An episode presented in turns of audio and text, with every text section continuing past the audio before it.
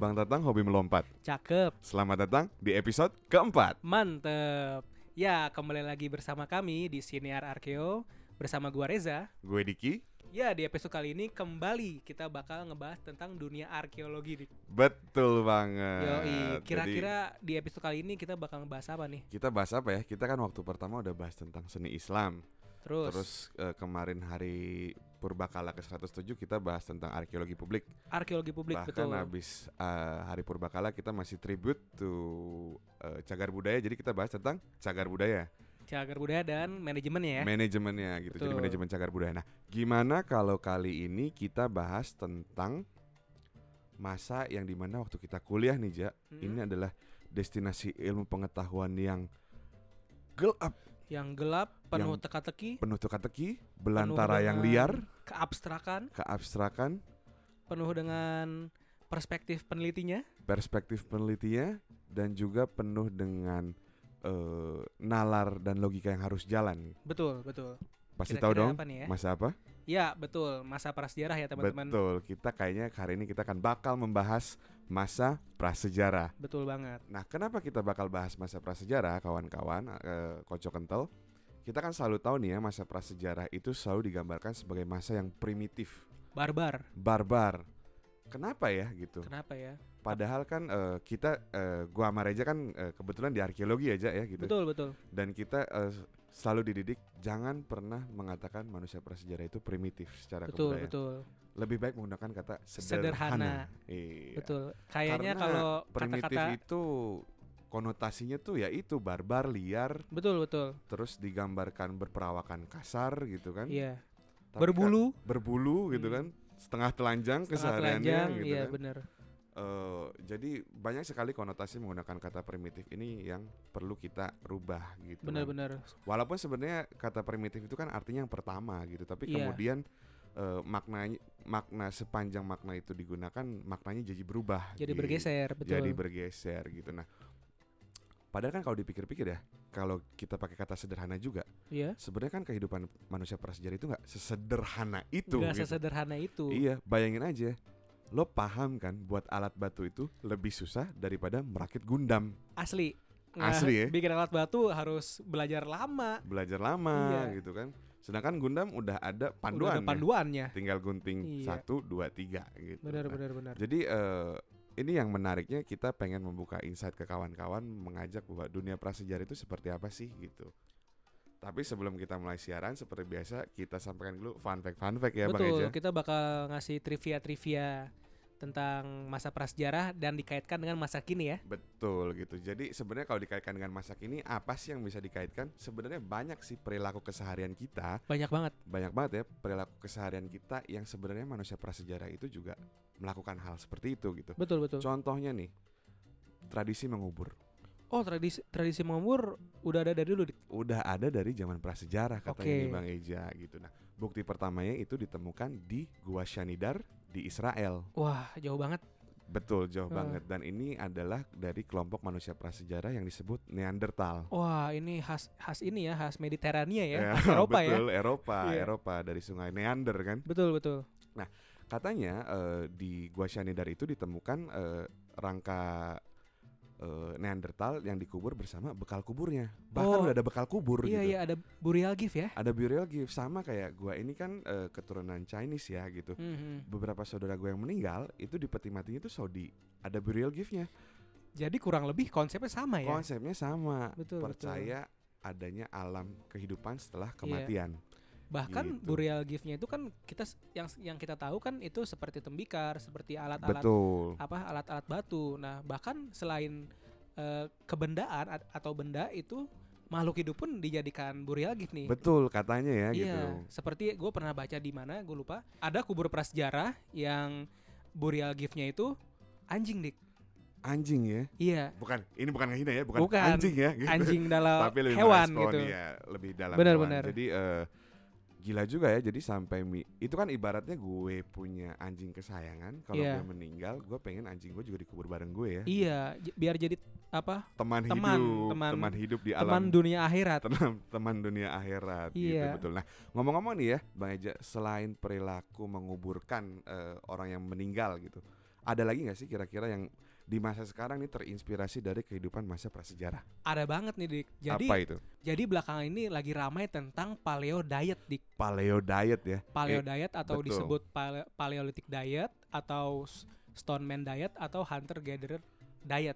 Oke, ini Iya. bukan karena kita dua-duanya eh, pengen kurus ya gitu. Enggak, ini em- emang ini lagi emang lagi viral lagi sebenarnya. viral ya beberapa tahun terakhir ya Iya. gitu. Jadi sebenarnya eh, diet apa? Diet prasejarah ini itu dilakukan dengan cara makan makanan yang kebanyakan itu seperti biji-bijian, lalu berserat, lalu juga yang yang pasti itu yang mentah dik Oh, jadi raw food ya. raw food ya mungkin Oke. simpelnya ya sushi kali ya atau Kayak sushi gitu. atau daging yang raw juga Iya, yang gitu. jelas bukan Mm. pocajang ya. bukan wah ya bukan pocajang lah iya Nah, jadi gitu ha.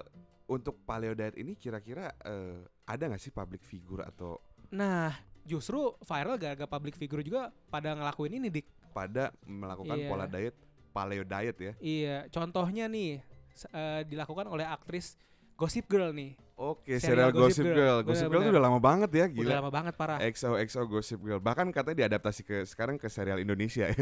Apa ada, ini ya? ada, ada Gossip Oh, Girl ada. seri Indone apa versi Indonesianya gitu. Iya, jadi eh, aktris Gossip Girl yang ngelakuin pal- paleo diet itu kalau lu kenal si Blake Lively. Blake Lively. Iya, itu nama karakternya adalah Serena Van der Woodsen ya, guys, di Gossip Girl. Oke, oke, benar-benar. Dan dia itu istrinya Deadpool ya, Istrinya Ra- Ryan Reynolds. Ryan. Reynolds. Terus selain itu ada siapa lagi nih, Ja? Selain itu ada ada mendiang Kobe Bryant pun melakukan Mendiang paleo Kobe diet. Bryant ya. Mm. Oke, ya wajar ya atlet ya Wajar, dan iya. Kalau atlet aja melakukan kan berarti dietnya emang eh, efektif dan sehat ya. Bener, gitu. bener, bener. Atlet pasti melakukan yang terbaik lah betul, gitu buat betul, betul. buat pola makan dia. Oke, nah selain itu juga nih Bang Eja ya, eh, kita kan udah bicara tadi tentang tradisi mengubur, terus ada tentang paleo diet. Bener-bener. Eh, ini ada fakta juga yang informasi yang gua kumpulkan bahwa ternyata para sineas itu senang menggarap tentang mengangkat film dengan tema survival. Oh, ini apa yang terkuat yang bertahan. Betul, survival of the fittest itu pasti jargon yang kita eh, umum ya, yang umum Bener. dikenal ya gitu. Banyak banget itu eh, Iya. film-film yang mengangkat temanya kayak tema gitu. ya, ya Heeh. sebut aja kalau zaman dulu zaman-zaman kita masih belajar ya masih kuliah itu kan pasti nonton The Walking Dead The Walking Dead. The Walking iya. Dead melawan zombie jadi bertahan hidup tuh bukan hanya melawan zombie tapi bahkan dari manusianya itu sendiri ya Benar-benar. dan itu mungkin yang terjadi gitu sama manusia prasejarah bersaing Benar, antar eh, individu Iya, atau bersaing antar tribe antar mungkin. tribe Iya. atau mungkin dengan binatang karnivor lainnya Benar, dalam mencari makan gitu. Nah selain The Walking Dead ada juga The Kingdom ya, The Kingdom survival itu juga ya, film yang lumayan baru ya. lumayan Dia- baru gitu. Benar. Itu juga survival kan. Terus mungkin ingat The Hunger Games ya, Ingat, ingat, ingat. The Hunger Games bahkan itu lebih gruesome ya, Iya, eh, lebih. karena bloody, bunuh Benar, membunuh. benar. Dan yang terakhir itu yang gua inget ya, itu The Revenant. The Revenant ini Leonardo DiCaprio. Leonardo DiCaprio, betul. Yang ini juga mengantarkan dia ini dapat Oscar ya gitu. Akhirnya, Akhirnya- akhirnya Akhirnya dengan mengangkat tema survival nih, Leonardo akhirnya menang Oscar. udah ngangkat tema mimpi dalam mimpi dalam mimpi. Dalam mimpi dalam dapet mimpi nggak juga. dapat juga. Eh, bertahan hidup doang. Iya, akhirnya yang dia dapat. Ha. Gila. Nah, tapi selain eh, film-film tersebut ada juga nih film yang menggambarkan kehidupan manusia prasejarah. Kayak contohnya 10,000 BC. Wah, gue tahu tuh. Iya, di situ Iya. gue paling seneng banget eh, scene di mana mereka yang menggiring mammoth itu. Wah, Itu kan iya, iya, kalau iya. di kita arkeologi disebutnya big game hunting ya. big game hunting. Ingat bener, ya bener, itu big bener, game bener. hunting ya. Terus juga ada film yang terbaru itu adalah Alpha. Wah, Alpha film ini gila sih dik. Oh, Soalnya Menurut lu gila ya? iya, soalnya risetnya sampai bener-bener jauh sampai Oke. gimana caranya bikin alat batu yang benar Oke, gitu. oke, oke, Bahkan oke. Di salah di salah satu scene-nya eh si si sukunya ini gitu cara untuk menentukan si pemudanya jadi dewasa itu adalah mahir membuat alat batu dik. Oke, itu jadi satu indikator ya, indikasi. Iya, benar-benar. Lu kalau udah gede, lo harus bisa buat alat batu. Bener, gitu. karena- kayak kita kalau iya. sekarang, lu kalau eh, udah gede harus bisa benerin genteng gitu ya. Iya, benar-benar. Soalnya Oke. itu bek- jadi bekal hidup sih. Bekal hidup karena Bekal dia harus bertahan bertahan hidup, hidup, iya. untuk berburu ya Benar. gitu ya. Intinya sih kalau di di dunia prasejarah eh, survivalnya itu ngadepinnya alam. ngadepinnya Iya, alam bener. gitu dan bahkan sebenarnya kan kita eh, juga masih seperti itu ya Bener-bener. cuman kadang kalau di karena kita dari konteks sosial sekarang ngadepinnya temen toksik ya Temen toksik. temen toksik atau toxic positivity tuh Wah itu yang lebih bahaya lagi, rame ya, lebih bahaya lagi. gitu, lebih berbahaya dibanding alam karena alam masih punya Fetty Vera Aduh, jokes lama ini, jokes, lama. ini jokes lama oke nih kawan-kawan siniar eh, sebelum kita mulai siaran ngomong-ngomong hari ini kan pembicaranya spesial banget ya bang Reja ya? Wah, ini pembicaranya gua dan lu pasti kagum, Dik. pasti kagum nah Bahkan temen-temen temen pun pasti Temen-temen kenal lain dan kagum ya. pasti kenal dan kagum dan akhirnya kita berhasil mendatangkan ini ke siniar Arkio ya Seorang legenda hidup. seorang legenda hidup betul banget nah sebelum jauh itu lu mau tau nggak judul siaran kali ini apa Apa tuh, Dik? Biasanya kan judul-judulnya itu berbau sastra ya. iya berbau sastra karena kita juga kebetulan ada di FIB ya Yoi. jadi nyoba-nyoba sedikit nyastra lah nyastra dikit. iya oke nah judul kali ini yang dibuat sama tim kita adalah naluri berburu kepulan asap dan rona-rona di dinding gua Cakep nggak tuh? Waduh, Cakep, cakep. Itu Cakep kan? eh, tiga kata yang mewakili masa prasejarah ya. Iya, jadi tema kali ini adalah arkeologi dan kehidupan manusia prasejarah. Daily life-nya. Daily life, eh, daily vlognya ya. Iya, soalnya ya kita penasaran lah. Soalnya selama ini yang dibahas tentang manusia prasejarah kan selalu artefaknya, Dik. Artefaknya betul dan apalagi eh, di buku pelajaran sekolah, di SMA, SME ataupun di museum itu kan diorama-dioramanya terbatas banget ya. Iya, terbatas Pasti banget. yang ditunjukin cuman eh, manusia prasejarah lagi berkumpul di api unggun. Iya. Itu kan kita mikir lagi Kayak ngangetin persami. diri, iya, lagi persami, lagi ngangetin badan atau lagi ngapain gitu iya, kan. bener. who knows kayak gitu dan Mm. inilah yang menariknya kita akan berangkat dari bukti-bukti material yang ditemukan di situs prasejarah untuk mengangkat kehidupan keseharian mereka Betul, buat mengangkat daily life-nya mereka ya. nah untuk itu kita langsung aja ya dengan narasumber nih Ja tapi. Kawan-kawan konco kental ini udah bukan alasan PSBB lagi nih Udah bukan, udah bukan Karena gimmick emang PSBB. Eh, udah bukan geng PSBB ini karena emang mic-nya cuma dua Dua. Jadi abis ini gue bakal ngoper mic gua ke narasumber kita nih. betul acara hari ini akan dipandu gue lagi ya sama Yoi, bakal dipandu Diki nih. oke Bang Reza terima kasih Oke, dah.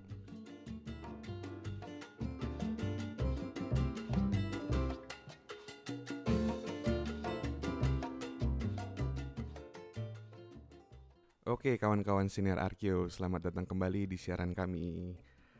Eh, masih sehat-sehat ya tentunya.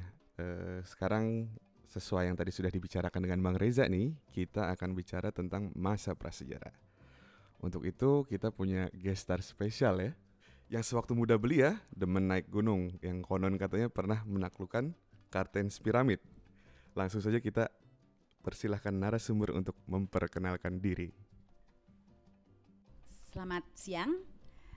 Eh, nama saya Karina. Saya pengajar eh, jurusan arkeologi FIB UI. Saya mengampu beberapa mata kuliah, di antaranya pengantar teori arkeologi, metode arkeologi, praktikum arkeologi, eh, dan khususnya mata kuliah di bidang prasejarah, arkeologi seni dan seni kuna Indonesia. Itu untuk S1. Di S2 saya mengajar gender dalam prasejarah, manusia dan kebudayaan Austronesia dan gambar cadas. Oke kawan-kawan mantap ya Jadi kami berhasil membawa Mbak Karin langsung untuk berbicara di Sinar Arkeo Oke nih Mbak Karin kita langsung ke pertanyaan pertama ya Karena kita bicara tentang prasejarah eh, Kita kan tahu kawan-kawan di SMA maupun di awal selalu diberikan gambaran bahwa prasejarah itu adalah masa yang panjang Ada masa berburu, ada masa meramu, ada masa bercocok tanam gitu Nah, sebenarnya definisi prasejarah itu apa sih, Mbak? Gitu. Ya, prasejarah pada dasarnya eh, masa sebelum ada tulisan. Oke. Tapi eh, da- nah, untuk Indonesia masa prasejarah ini cukup panjang karena kita punya manusia purba. eh, jadi kira-kira dari aw- apa namanya awal Pleistosen sampai eh, sekarang, oh sampai ditemukannya tulisan pada awal abad eh, Masehi itu masuk dalam masa prasejarah. Jadi panjang bentang waktunya. Nah, kawan-kawan, oke tadi eh, sudah didengar jawaban dari Mbak Karin bahwa prasejarah adalah masa di mana belum ada tulisan ya dan itu termasuk masa-masa di mana awal kemunculannya manusia. Jadi adalah masa yang panjang sebenarnya. Nah, ketika kita kembali ke topik yang kita angkat di kali ini nih Mbak, kita kan berbicara tentang keseharian manusia prasejarah ya Mbak gitu. Sebenarnya yang dibilang manusia prasejarah itu siapa sih Mbak gitu? Oke, em, kalau kita bicara tentang masa prasejarah itu ada beberapa model pengkerangkaan. Betul. Ya. iya. Ada yang model teknologi. Model teknologi ini sebenarnya pengaruh dari Eropa diperkenalkan oleh eh, Van Heekeren. Eh, dia membaginya ke dalam empat periode. Jadi ada Paleolitik, Mesolitik, Neolitik, dan perunggu besi. Oh, iya. ya. Nah ini diambil berdasarkan konsep yang ada di Eropa. Tetapi ternyata dirasakan ini kurang tepat gitu ya Untuk wilayah Indonesia. untuk wilayah. Indonesia. Mm-mm. Em, misalnya neolit eh, Mesolitik itu sering kali eh, diperdebatkan ya karena masa Neolitik di Eropa dan di Indonesia tuh beda, Beda. nggak sama. Iya. Jadi agak agak sulit menempatkan eh, Batasnya apa- ya menentukan bukan batas. batasnya ciri-ciri peninggalannya. ciri-ciri ya. peninggalannya. Mm. Nah, karena itu eh, Pak Suyono kemudian membuat model subsistensi atau mata pencaharian. Iya. Nah, model ini juga sebenarnya berdasarkan eh, berasal dari Eropa juga dikemukakan oleh Graham Clark dan eh, apa namanya Gordon Child. Nah, di sini juga dibagi menjadi empat eh, apa namanya periode. Jadi ada berburu dan mengumpulkan makanan tingkat sederhana, berburu dan eh, mengumpulkan makanan tingkat lanjut, bercocok tanam dan perundagian. Nah, tapi kemudian dirasakan bahwa eh, model subsistensi ini juga tidak apa kurang mampu memberikan gambaran yang komprehensif eh, mengenai masa prasejarah karena ternyata eh, dianggap model ini diterapkan dalam sejarah nasional Indonesia satu gitu ya. Tapi ternyata lebih sama seperti apa yang eh, pembawakannya Hekeren eh, cuma dengan data yang lebih banyak gitu ya. Jadi eh, konsep perkembangan sosial ekonominya itu kurang eh, tidak diterapkan secara apa ya ter- secara konse- bukan konsekuen eh, ya secara konsekuen gitu sehingga itu juga menjadi masalah gitu ya Eh, dan di samping itu perkembangan teknologi juga masih sangat mendominasi. Jadi tidak jauh berbeda sebenarnya. Nah jadi perang eh, apalagi pengkerangkaan ini diterapkan untuk se- seluruh Indonesia. Eh, padahal belum tentu eh, ciri-ciri kebudayaan yang sama berasal dari masa yang sama ya. Nah, karena itu kemudian karena kekurangan-kekurangan ini kemudian sekarang ada muncul lagi eh, model yang namanya peristiwa besar yang dianggap bisa eh, lebih fleksibel eh, karena berdasarkan berbagai peristiwa penting atau peristiwa ya peristiwa penting yang mempengaruhi perkembangan manusia eh, budaya secara global gitu ya. Eh, dan di dalamnya ada macam-macam pendekatan gitu. Jadi dengan menggunakan pendekatan multidisipliner Sudah multidisiplin ya Mm, iya, ya, ha. jadi. Jadi melihat secara keseluruhan. Keseluruhan. Nah, peristiwa-peristiwa besar ini juga dibagi ke dalam eh, eh, ini lima periode. Jadi yang pertama kemunculan manusia purba, yang kedua kemunculan manusia modern awal, yang ketiga berakhirnya zaman es terakhir, lalu yang keempat eh, kehadiran penutur Austra- Austronesia, dan eh, yang terakhir kompleksitas mas- masyarakat akhir prasejarah. Oke. Nah, jadi eh, ini di apa namanya?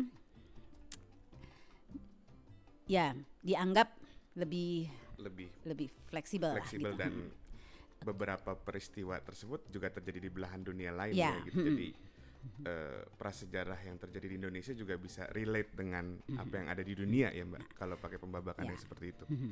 Nah, jadi ada hal yang perlu di, difahami juga bahwa eh, kemunculan manusia kan ada kemunculan manusia, Manusia purba, purba, ada kemunculan manusia modern Manusia awal. modern nah. Nah, kalau di yang sebelumnya itu masa paleolitik awal itu kemunculan Mencakup, manusia ya, purba. iya, manusia Jadi purba. kalau kita bicara tentang masyarakat prasejarah Mm-mm. itu tidak semuanya Homo sapiens seperti kita. Iya. Jadi kalau kalau dengar kata hom, eh, sap- manu- manusia purba, Manusia purba. itu spesiesnya beda dengan kita. Itu Betul. yang Pithecanthropus dan Iya. teman-temannya Homo erectus dan sebagainya.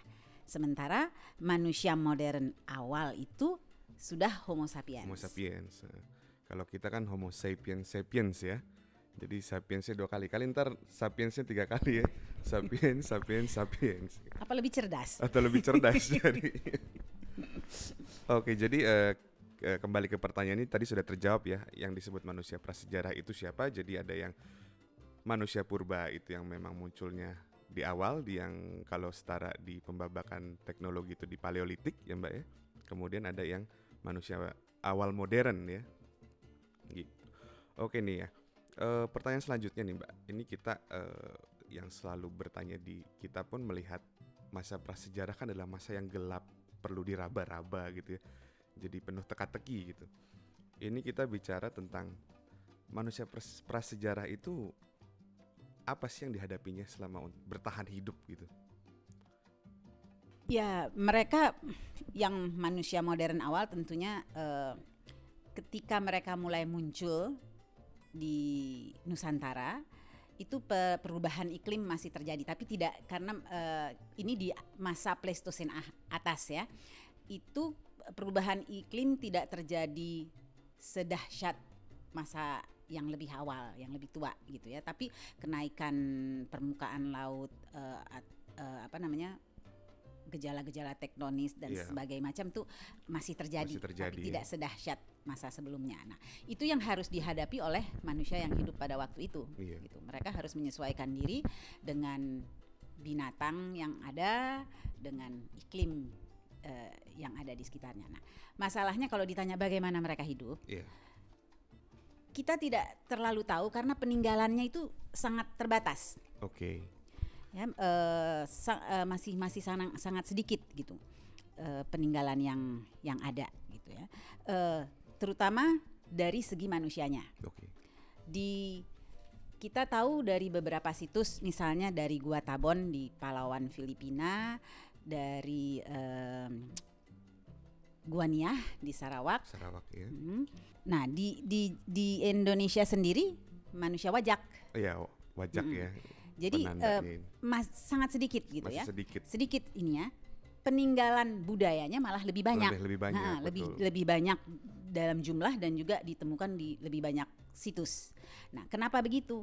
Ya tidak heran tulang manusia kan tidak tidak bisa bertahan Betul. lama gitu ya. Jadi wajar kalau sisa peninggalan apa namanya manusia itu lebih lebih sedikit. Iya. Nah, karena itu agak susah merekonstruksi bagaimana cara mereka hidup. Justru itu eh, diperoleh dari daerah di luar Di Indonesia. luar Jadi misalnya Indonesia. Hmm. mereka di, diperkirakan mereka tinggal di eh, apa namanya gua-gua sebagian itu bedanya dengan masa sebelumnya dengan mana- manusia purba Eh, sekarang mereka sudah lebih banyak tinggal di gua-gua tapi di tempat terbuka juga ada, Ada. gitu. namun demikian lebih banyak di gua-gua. Nah sebenarnya eh, kenapa demikian? Mungkin memang agak sulit menemukan situs di situs terbuka gitu. Apalagi di daerah hutan tropis gitu ya. Situs terbuka itu hanya ada di Tingkayu itu di Sabah dan Tampan di Malaysia Tingkayu saja itu ketemunya tidak sengaja. Ketika orang mau bikin jalan raya ini kan hutan hujan pakai Terbuka, bulldozer baru diangkat ketemu. expose ya Ah, terekspos secara jadi tidak sengaja. jadi tidak sengaja. Jadi mungkin juga banyak pada masa ini yang hidup di di alam terbuka gitu cuma kita susah menemukan situsnya Menemukan dan gitu. mungkin sudah hilang juga ya ya, juga karena hilang. Mm, lebih tererosi. Sementara gua-gua ya. itu eh, terlindungi. Jadi apa yang ter eh, tersimpan di dalam gua itu lebih lebih awet Iya. gitu jadi sisanya masih lebih kita lebih banyak temukan yang di dalam gua-gua. Nah, eh, bicara aspek kehidupan yang lain nih ya Mbak ya. Manusia manusia kan juga butuh makan ya. Kita bicara makanan nih. Eh, konsumsi makanan yang seperti apa sih yang dimakan oleh manusia prasejarah pada masa itu? Eh, tergantung lingkungannya Oke, gitu hmm. jadi eh, sangat tergantung pada lingkungannya yang tinggal di daerah padang rumput yang hutan terbuka itu biasanya lebih mengkonsumsi binatang-binatang eh, mamalia besar herbivore ya. Tapi kalau di tepi danau, di tepi di pesisir gitu lebih banyak kerang-kerangan.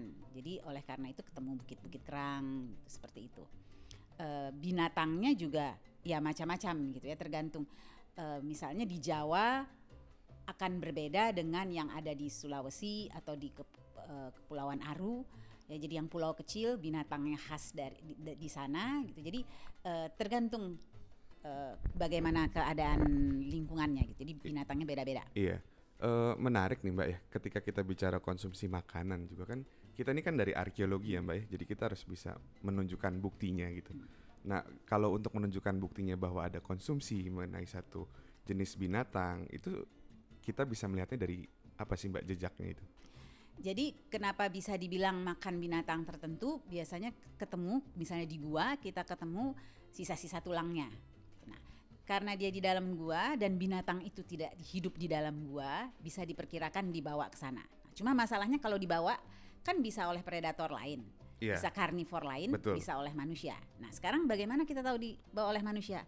Karena ternyata di antara tulang-tulang itu ada alat batu, lalu ada yang terbakar, ada arang. Jadi ini aktivitas manusia sehingga bisa di- di- diduga, di- diperkirakan itu dimanfaatkan oleh manusia. Manfaatkan. Oh, menarik sekali ya gitu. Jadi eh, sama mungkin kayak kita ya. Eh, kenapa kita bisa tahu pernah dimakan kayak abis makan dimsum ceker kali ya Mbak ya. Dilepehin, pluh, pluh, terus ada sumpit gitu ya. Kalau sekarang kan melihat.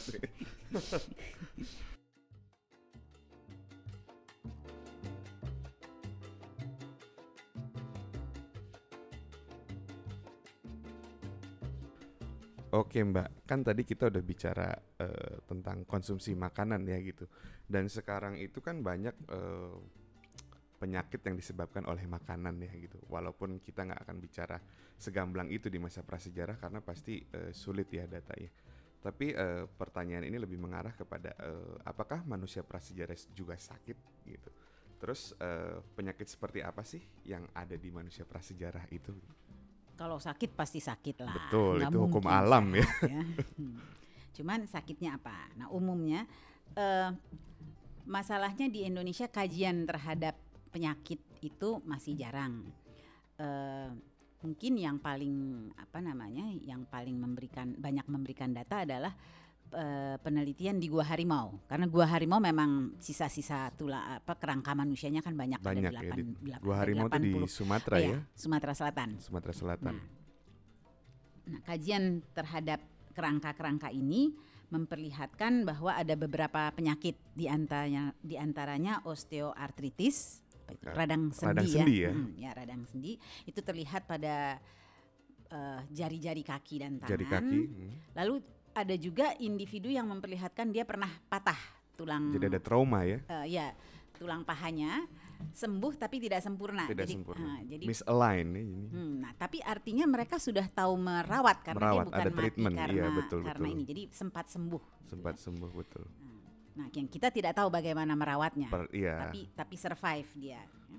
Lalu ada juga lesi atau eh, Lesi apa, itu apa ya, Mbak? jejak infeksi. Jejak ya. Itu infeksi. lesi eh, pada permukaan tengkoraknya. Nah, masalahnya ini juga masih belum jelas sebenarnya penyebabnya apa. Tapi kalau pada masya, apa pada tulang orang orang yang menderita penyakit TBC, lepra atau sifilis bentuk je- Jejaknya jejaknya seperti seperti, itu itu. ya. Jadi Oh. kemungkinan ya salah satu Penyakit dari tiga. dari situ Mm-mm. ya. Tapi kita eh, belum pasti gitu. Jadi antara penyakit eh, sifilis jatuhnya kan infectious sex disease ya. Ya. STD ya, sexual transmitted disease atau tuberkulosis karena bakteri ya. Nah, selain itu juga eh, ada karies gigi. Karies Jadi, gigi. mm, jadi Karies itu bahasa gampangnya gigi bolong ya, Mbak ya. ya. Gigi bolong. mungkin karena banyak makan yang mengandung diperkirakan banyak makanan yang mengandung karbohidrat. Karbohidrat ya. Karies ini di di gua harimau itu ada yang hanya di permukaan email, ada yang agak masuk, ada yang sampai dalam. Jadi dalam. tingkatnya macam-macam. Macam-macam. Eh, nah, yang menarik juga bukan penyakit sih, tapi memperlihat dari dari gigi itu memperlihatkan eh, ada mereka ini ngunyah sirih. Oh, mengunyah karena sirih, ada ya. ada apa ada noda merah gitu. stain Hmm, ya? Iya, hmm. Eh, di di Kalimantan iya. di eh, hulu Sungai Birang itu juga sisa-sisa giginya memperlihatkan be- ada bekas tradisi mm, mengunyah sirih iya. ya menunjukkan Nah, ini. Kalau di Kalimantan kelihatan juga ada eh, linear email hypoplasia. hipoplasia ya. Hmm, Betul. Jadi apa berhenti tumbuh sementara ya sementara. karena kurang gizi gitu. Jadi garis-garis di giginya ada garis-garis ya, di gigi. Ha-ha, itu akibat kurang gizi. Itu kelihatan seperti itu. Oke, jadi eh, sebenarnya kalau di- bisa disimpulkan untuk mengetahui penyakit sumbernya sampai saat ini baru dari tulangnya ya, Mbak ya, tulang dan giginya ya, Tulang dan sebenarnya itu gigi. potensi Mm-mm, utamanya iya. ya. gitu. S- Jadi selain eh, tulang sebagai sumber untuk mengetahui evolusi manusia juga ternyata bisa untuk sebagai sumber penyakit ya di masa prasejarah ini. Nah, eh, kita ke aspek kehidupan yang lain nih Mbak gitu. Tadi kita udah bicara tentang apa yang dihadapi oleh manusia prasejarah, kemudian apa yang dimakan gitu. Mereka itu sakit atau enggak ya jelas sakit ya karena itu kan hukum alam gitu. Nah, kita ke ranah yang mungkin lebih ke spiritualitas gitu ya. Manusia prasejarah ini sudah mengenal atau miliki kepercayaan nggak sih Mbak? Dan itu apakah mereka eh, meninggalkan jejak dalam bentuk eh, artefak seperti itu? Ya, em, kita nggak tahu apa kepercayaannya tepatnya Oke, apa oh iya, gitu ya. betul. Tapi dari peninggalan-peninggalan yang ada yang menarik adalah penguburan. Penguburan? Orang kenapa orang dikubur gitu Kenapa kan? orang dikubur ya? Betul. Bayangannya ya kalau udah mati mati buang aja atau Betul, tinggal saja. hmm. Tapi ini dikubur dan perawatan penguburannya itu spesifik gitu nggak Oh, asal oke, aja kan. iya. Jadi kita banyak temukan kubur-kubur prasejarah yang misalnya terlipat. Jadi Betul. orang bilang seperti posisi Dalam bayi dalam kandungan, kandungan. gitu. Jadi seolah-olah dia mati untuk dilahirkan Dan kembali, di dunia eh, sana gitu Iya. ya. Nah, jadi eh, hal ini kan me- mencerminkan ini ada kepercayaan Betul, sesudah betul. mati eh, orang itu dirawat. Ya, kita hanya bisa tahu sampai sana, tapi tidak tahu bisa lebih. Ada memang bekal kubur ya, tapi bekal kubur itu bukan hanya bisa menunjukkan eh, kepercayaan saja, tapi juga status sosial. Karena Oke. ada kuburan-kuburan yang bekal kuburnya cukup banyak. Ada yang tidak sama sekali misalnya gitu ya. Jadi diperkirakan Ibaratnya karena orang kaya orang miskin ya Mbak ya? kaya miskin atau orang berpengaruh Pengaruh, heeh. Heeh, ya atau orang orang biasa begitu Hmm. atau orang yang sudah lebih tua anak-anak biasanya tidak macam-macam bekal kuburnya atau tidak ada bekal kuburnya seperti Oke. itu jadi yang kita punya kepercayaan itu terutama dari penguburan, sistem Penguburan ya, penguburan hmm. jadi berarti mereka sudah punya kepercayaan akan kehidupan setelah mati Betul. gitu. Nah, di samping itu juga eh, pada awalnya mereka mulai buat gambar cadas. Oke, Ya, gambar jadi cadas ya. Gambar cadas itu ya hiasan gitu macam-macam. Gayanya tergantung tempatnya apa yang digambarkan juga tergantung tempat dan lingkungannya. Tapi tampaknya yang digambarkan bukan sekedar asal aja cuman iseng-iseng coret-coret tapi ada maknanya. Jadi kajian-kajian terhadap gambar cadas sekarang sudah sampai pada misalnya memperkirakan bahwa gambar-gambar itu dibuat hanya untuk ya, memberi informasi sosial gitu ya atau dibuat oleh shaman atau bukan eh, ini melambangkan totem atau bukan gitu ya. Jadi macam-macam. Eh, berarti eh, ada ada kepercayaan di sana. Tapi kita kita tentunya tidak tidak tahu tepatnya bagaimana kalau kita ingin tahu ya harus ada data etnografi biasanya banyak sekali informasi mengenai masa prasejarah itu eh, dilengkapi dengan data etnografi. Jadi masyarakat tradisional tuh yang hidupnya berburu di daerah hutan itu biasanya apa makannya eh, atau cara hidupnya. Nah kira-kira seperti itu di, di, dicoba dibandingkan kira-kira serupa. Tapi kita tetap tidak tahu sebenarnya apa karena datanya sedikit. Semakin apa namanya Semakin kemudian ya. ha, jadi ketika zaman sudah zaman neolitik megalitik itu mungkin lebih apa datanya lebih lebih banyak, Banyak, gitu ya iya. lebih banyak bisa bisa bentuknya lebih bicara. variatif ya juga bentuknya lebih variatif lalu misalnya ya bisa data etnografinya juga lebih banyak gitu daripada masa-masa yang lebih lebih tua Lebih tua, betul. Tapi kalau gambar cadas sendiri kan kita juga sempat ramai ya Mbak di Indonesia Hmm. gitu mengingat berita BBC katanya Hmm. ditemukan salah satu yang tertua gitu dan eh, kalau dari eh, dampak ini ke penelitian gambar cadas di dunia itu apa Mbak dari rock art yang ditemukan di Indonesia ini? Apakah itu mengubah jalur migrasi gitu misalnya? Eh, ya, yang menarik adalah karena ternyata di Indonesia itu termasuk yang tertua di Iya, dunia kan betul. dari Hmm. Kalimantan itu sampai 50 ribu di di Sulawesi 40 40.000 ya. ribuan Hmm. Mm-mm, gitu dan itu eh, tua sekali karena kita dulu tidak mengira setua itu gitu ya jadi artinya mereka sudah punya eh, nilai estetika kalau mau dibilang nilai Betul, iya. estetika kepercayaan itu sudah sejak awal ada gitu Kalau bahasa anak gaul sekarangnya udah estetik Mbak. kalah yang anak sekarang malah ya Kalah sama anak sekarang nggak bisa anak sekarang rapin fit Instagram. Kalau anak zaman dulu mahat batu. Ya gitu. Jadi eh, tentunya penemuan yang berasal dari masa yang sangat tua ini eh, cukup menggemparkan gitu Iya, ya. Karena betul. selama ini selalu dikira Eropa. Eropa. iya. Nah ternyata gambar cadas itu eh, sudah sejak awal dikenal dan mungkin juga muncul itu sesuatu yang fenomena yang Umum ya, umum ya. Sporadis, Ada ada di umum ya. mana-mana gitu. Seperti cap tangan itu Betul. ada di mana-mana gitu ya.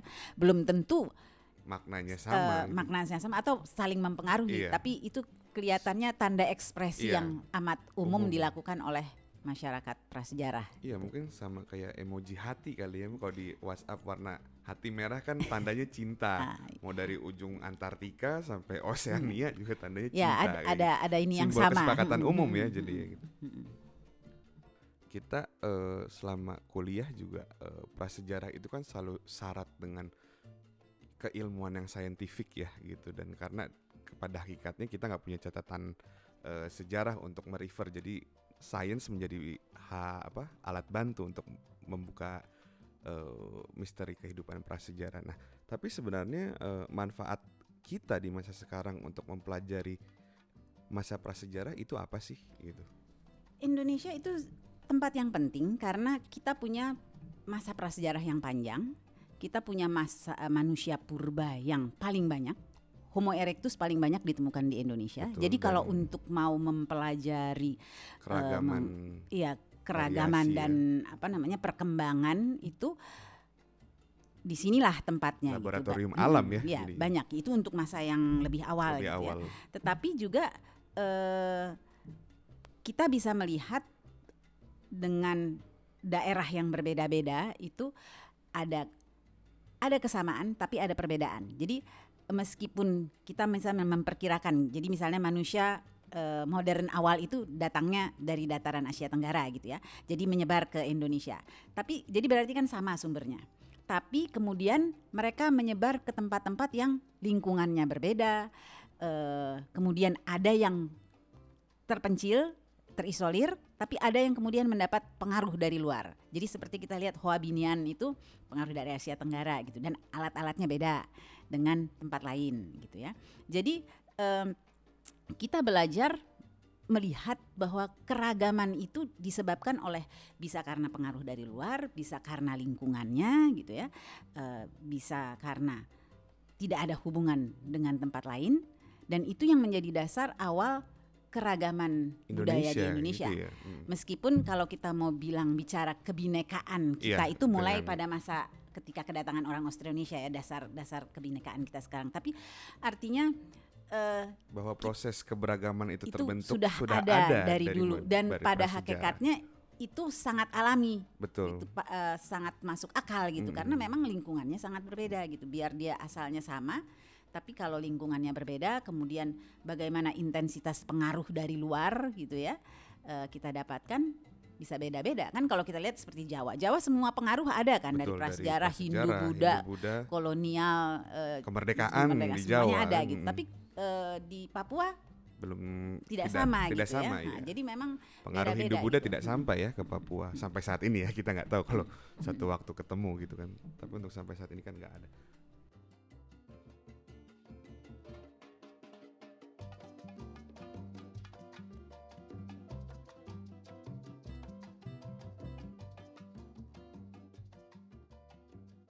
Oke nih Mbak Karin, pertanyaan terakhir nih ya. Eh, kita kan tadi udah bicara tentang masa prasejarah yang sangat panjang gitu dan bagaimana kehidupan manusia prasejarahnya gitu. Nah sekarang eh, terakhir sebagai penutup juga saya ingin bertanya eh, mengenai prospek prospek penelitian dan arah penelitian prasejarah ke depannya di Indonesia ini bakal seperti apa sih? Atau menurut Bakarin bakal mengarah ke arah mana sih? Ya harusnya semakin melibatkan ilmu-ilmu lain, jadi pendekatan multidisipliner ya. Karena Oke, tidak mm. tidak mungkin arkeologi itu bekerja sendiri. Dari dulu pun sebenarnya Dari dulu arkeologi ya, ya. sudah sudah melibatkan banyak ilmu ya. Betul. Karena dengan demikian kita bisa bicara eh, menghasilkan suatu cerita yang yang menarik. Yang gitu. menarik. Iya. se- Tetapi semakin kemari itu harus eh, semakin setiap penelitian itu harus melibatkan bermacam-macam disiplin agar bisa me, apa, mengcover macam-macam apa sisi kehidupan, ya. kehidupan Hmm, Jadi ya. rekonstruksinya semakin menarik ya gitu. dan eh, tetapi kita tidak berlarut-larut dalam hanya dalam satu situs saja, Betul. tapi harus bisa meletakkannya dalam konteks regional. Jadi kita mm, sebenarnya merekonstruksi suatu narasi besar. Jadi apa Oke. apa yang terjadi pada masa Iya. prasejarah itu ya? dampak dari di Indonesia ke di Asia Tenggara ini seperti Ya, apa gitu jadi dan Indonesia itu bagian dari Asia Tenggara dan bagaimana iya saat apa, peranan Indonesia, ya. kekhasan Indonesia eh, seperti itu gitu. Oke, iya eh, menarik juga ya kawan-kawan yang mengangkat multidisiplin. Saya ingat nih, saya kan juga mantan mahasiswanya Mbak Karin nih ya. Dulu Oh waktu gitu ya? Iya, betul, Bu gitu. Tahun berapa ya? Wah, Saya nggak inget tuh. sudah tua lah. Nggak tua-tua banget sih. Tapi dulu memang sih di mata kuliah eh metode ya, metode arkeologi 2 ya Mbak, yang Mbak Karin selalu bilang arkeologi itu ilmu pemulung gitu. Jadi mulung-mulung dari ilmu lain untuk membangun cerita yang lebih menarik gitu. Singkatnya seperti itu ya. Oke kawan-kawan senior Arkeo, terima kasih sudah mendengarkan siaran ini sampai akhir. Nah tapi sebelum ditutup, eh, gue sendiri mau mencoba menyimpulkan nih diskusi tadi yang sudah disampaikan eh, oleh Mbak Karina Arifin. Nah, yang pertama masa prasejarah adalah masa yang panjang, jadi kita tidak bisa semena-mena memetakan eh, bilang masa prasejarah yang mana. Kita harus eh, mengingat kembali bahwa masa prasejarah ini adalah masa yang kompleks. Jadi kita mau memakai pembabakan yang mana gitu. Jadi dan apa yang berlaku di prasejarah Eropa belum tentu berlaku di prasejarah Indonesia. Nah, kemudian ada banyak aspek yang dapat dijelaskan untuk memperoleh cerita yang seolah-olah dramatis mengenai kehidupan manusia prasejarah. Tentu dengan mengangkat prinsip eh, multidisiplin ilmu. Jadi untuk membuat cerita yang lengkap, cerita yang kompleks, kita membutuhkan bantuan ilmu lain. Nah, ke depannya penelitian prasejarah Indonesia harus dapat membantu menjelaskan narasi besar, tidak hanya bicara di tingkat lokal ya, tetapi bicara untuk narasi regional khususnya di Asia Tenggara. Nah ini yang terakhir nih yang mungkin eh, perlu kita angkat juga ya, yang tidak pernah kita sadari. Mempelajari masa prasejarah adalah mempelajari asal usul kita menjadi seorang manusia. Jadi sama aja kita memahami diri kita untuk being human. Karena masa prasejarah adalah menjadi sebuah hasanah pembelajaran untuk memahami dan mendalami keberagaman bangsa kita sekarang. Oke Mbak Karin, terima kasih sudah mau menjadi narasumber di siaran kali ini. Ini siaran yang spesial ya gitu dengan equipment baru, suara baru. Eh, Moga-moga juga kawan-kawan mendapat insight yang baru gitu. Terima kasih Mbak Karin. Apakah kemudian saya bisa mengenali suara saya karena dengan suara baru? Oh tentu Mbak, nanti link downloadnya akan kami eh, serahkan juga ke Mbak Karin. Oke, sukses ya. Terima kasih Mbak. Kawan-kawan jangan lupa juga ada materi pembelajaran beberapa artikel buku tentang eh, keilmuan prasejarah yang bisa didownload di tautan materinya. Oke, terima kasih dan sampai jumpa.